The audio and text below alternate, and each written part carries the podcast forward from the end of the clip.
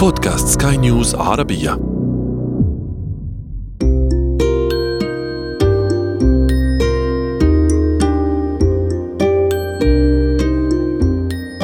رجل ممتلئ الجسم بلحية طويلة ناصعة البياض يرتدي معطفا أحمر طويلا بزركشة بيضاء ويعتمر فوق رأسه قبعة حمراء.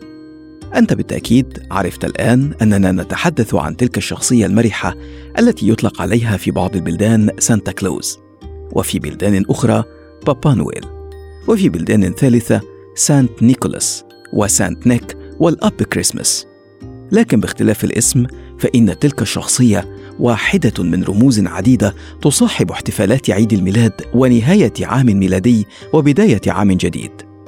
وإذا كنت من المهتمين بتلك الرموز فلا بد أنك تعلم أن تلك الاحتفالات لن تكتمل إلا بشجرة خضراء مزينة باللونين الأحمر والأخضر. يعلوها جرس وتعلق بها نجوم متلألئة. بغض النظر عن ديانتك لكن تلك الرموز في مجملها مصدر بهجة كما أن مجرد رؤيتها يذكرك فورا بقدوم العام الجديد. لكن ما هو أصل تلك الرموز؟ هل كان سانتا كلوز شخصا حقيقيا بالفعل؟ وهل من دلالة للجرس أو الشجرة؟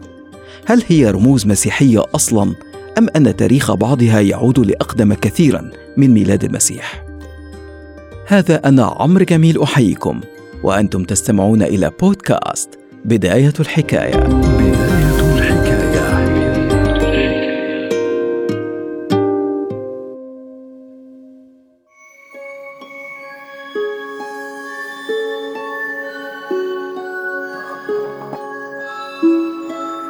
في القرن الرابع الميلادي انتشرت حكاية أسقف مسيحي محب للخير كان يدعى القديس نيكولاس أو نيكولا.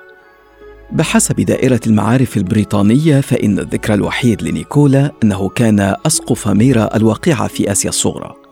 لا وثائق تاريخية أخرى تشير إلى شخصية مغايرة عاشت في تلك الفترة، لكن الموروث الشعبي له رواية مغايرة.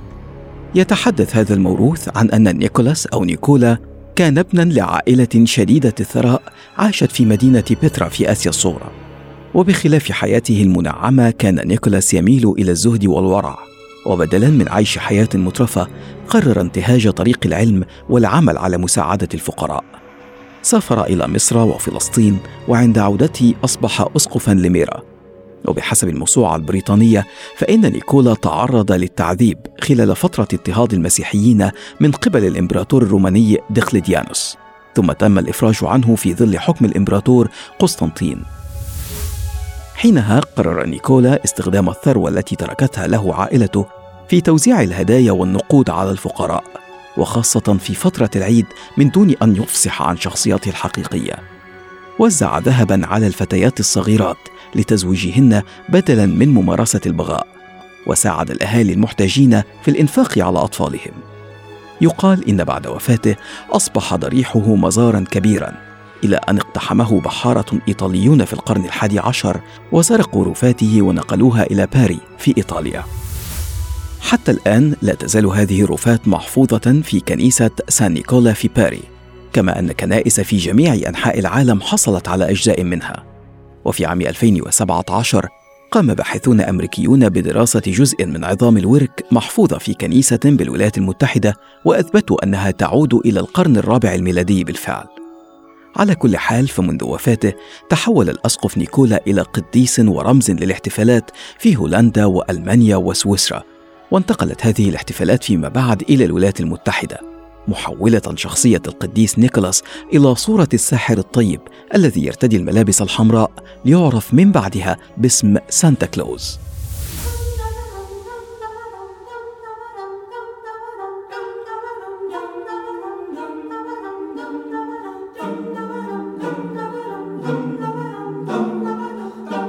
وكما هو الحال في قصة سانتا كلوز تتضارب الروايات أيضا حول بداية استخدام شجرة عيد الميلاد تلك الشجرة دائمة الخضرة التي يعتقد أن أول من استخدمها هم المصريون القدماء الذين زينوا بها بيوتهم ورسموها على جدران مقابرهم.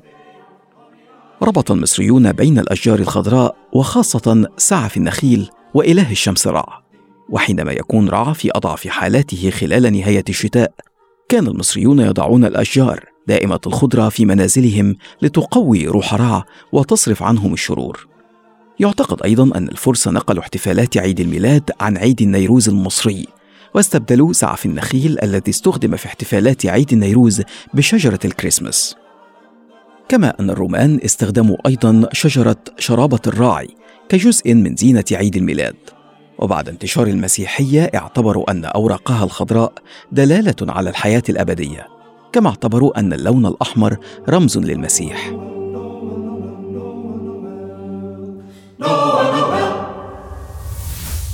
تقول رواية أخرى إن القديس الإنجليزي بونيفس الذي كان مبشرا في ألمانيا في القرن الثامن الميلادي كان هو أول من أدخل طقس تزيين الأشجار إلى الاحتفالات المسيحية.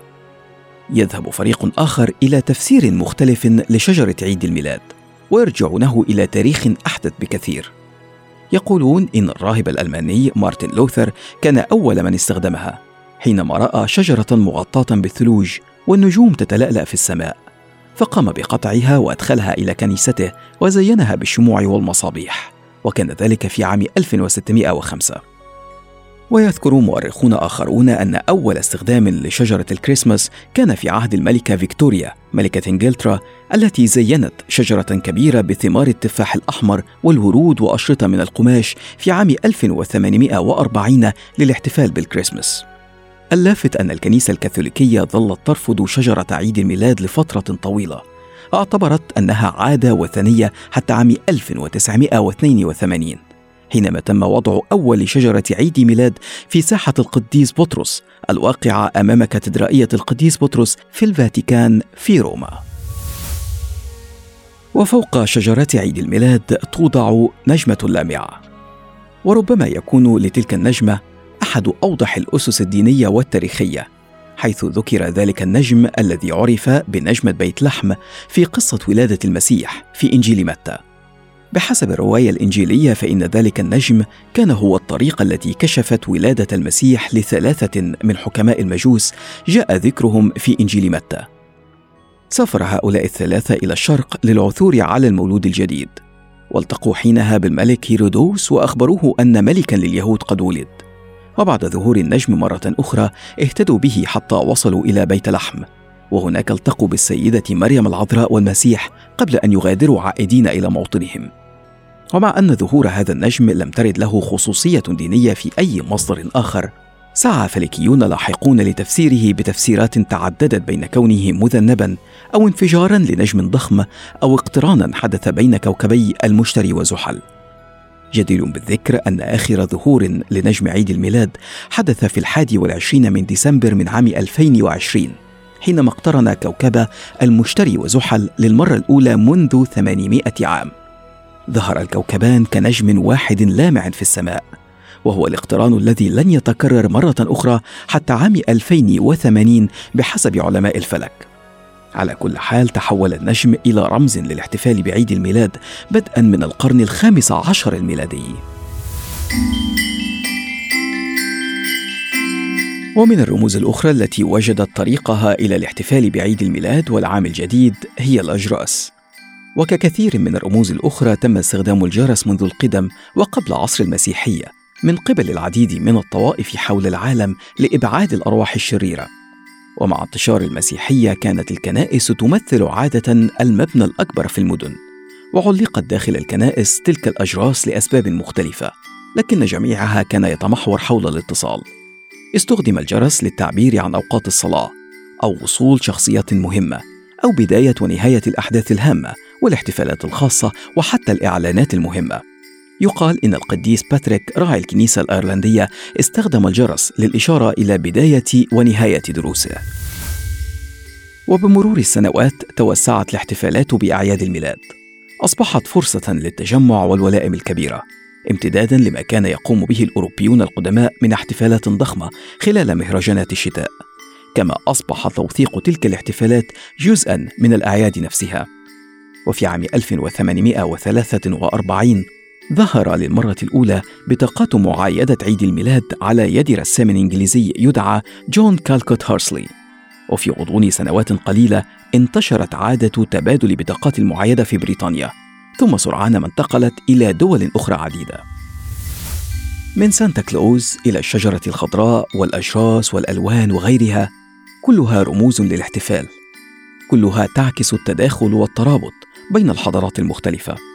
ابتكارات ينقلها البشر إلى بعضهم البعض عبر خط التاريخ الأبدي يؤرخون فيه لانقضاء عام وبداية عام آخر يأملون أن يكون أفضل بالنسبة إليهم كل عام وأنتم بخير بداية الحكاية, حكاية. حكاية.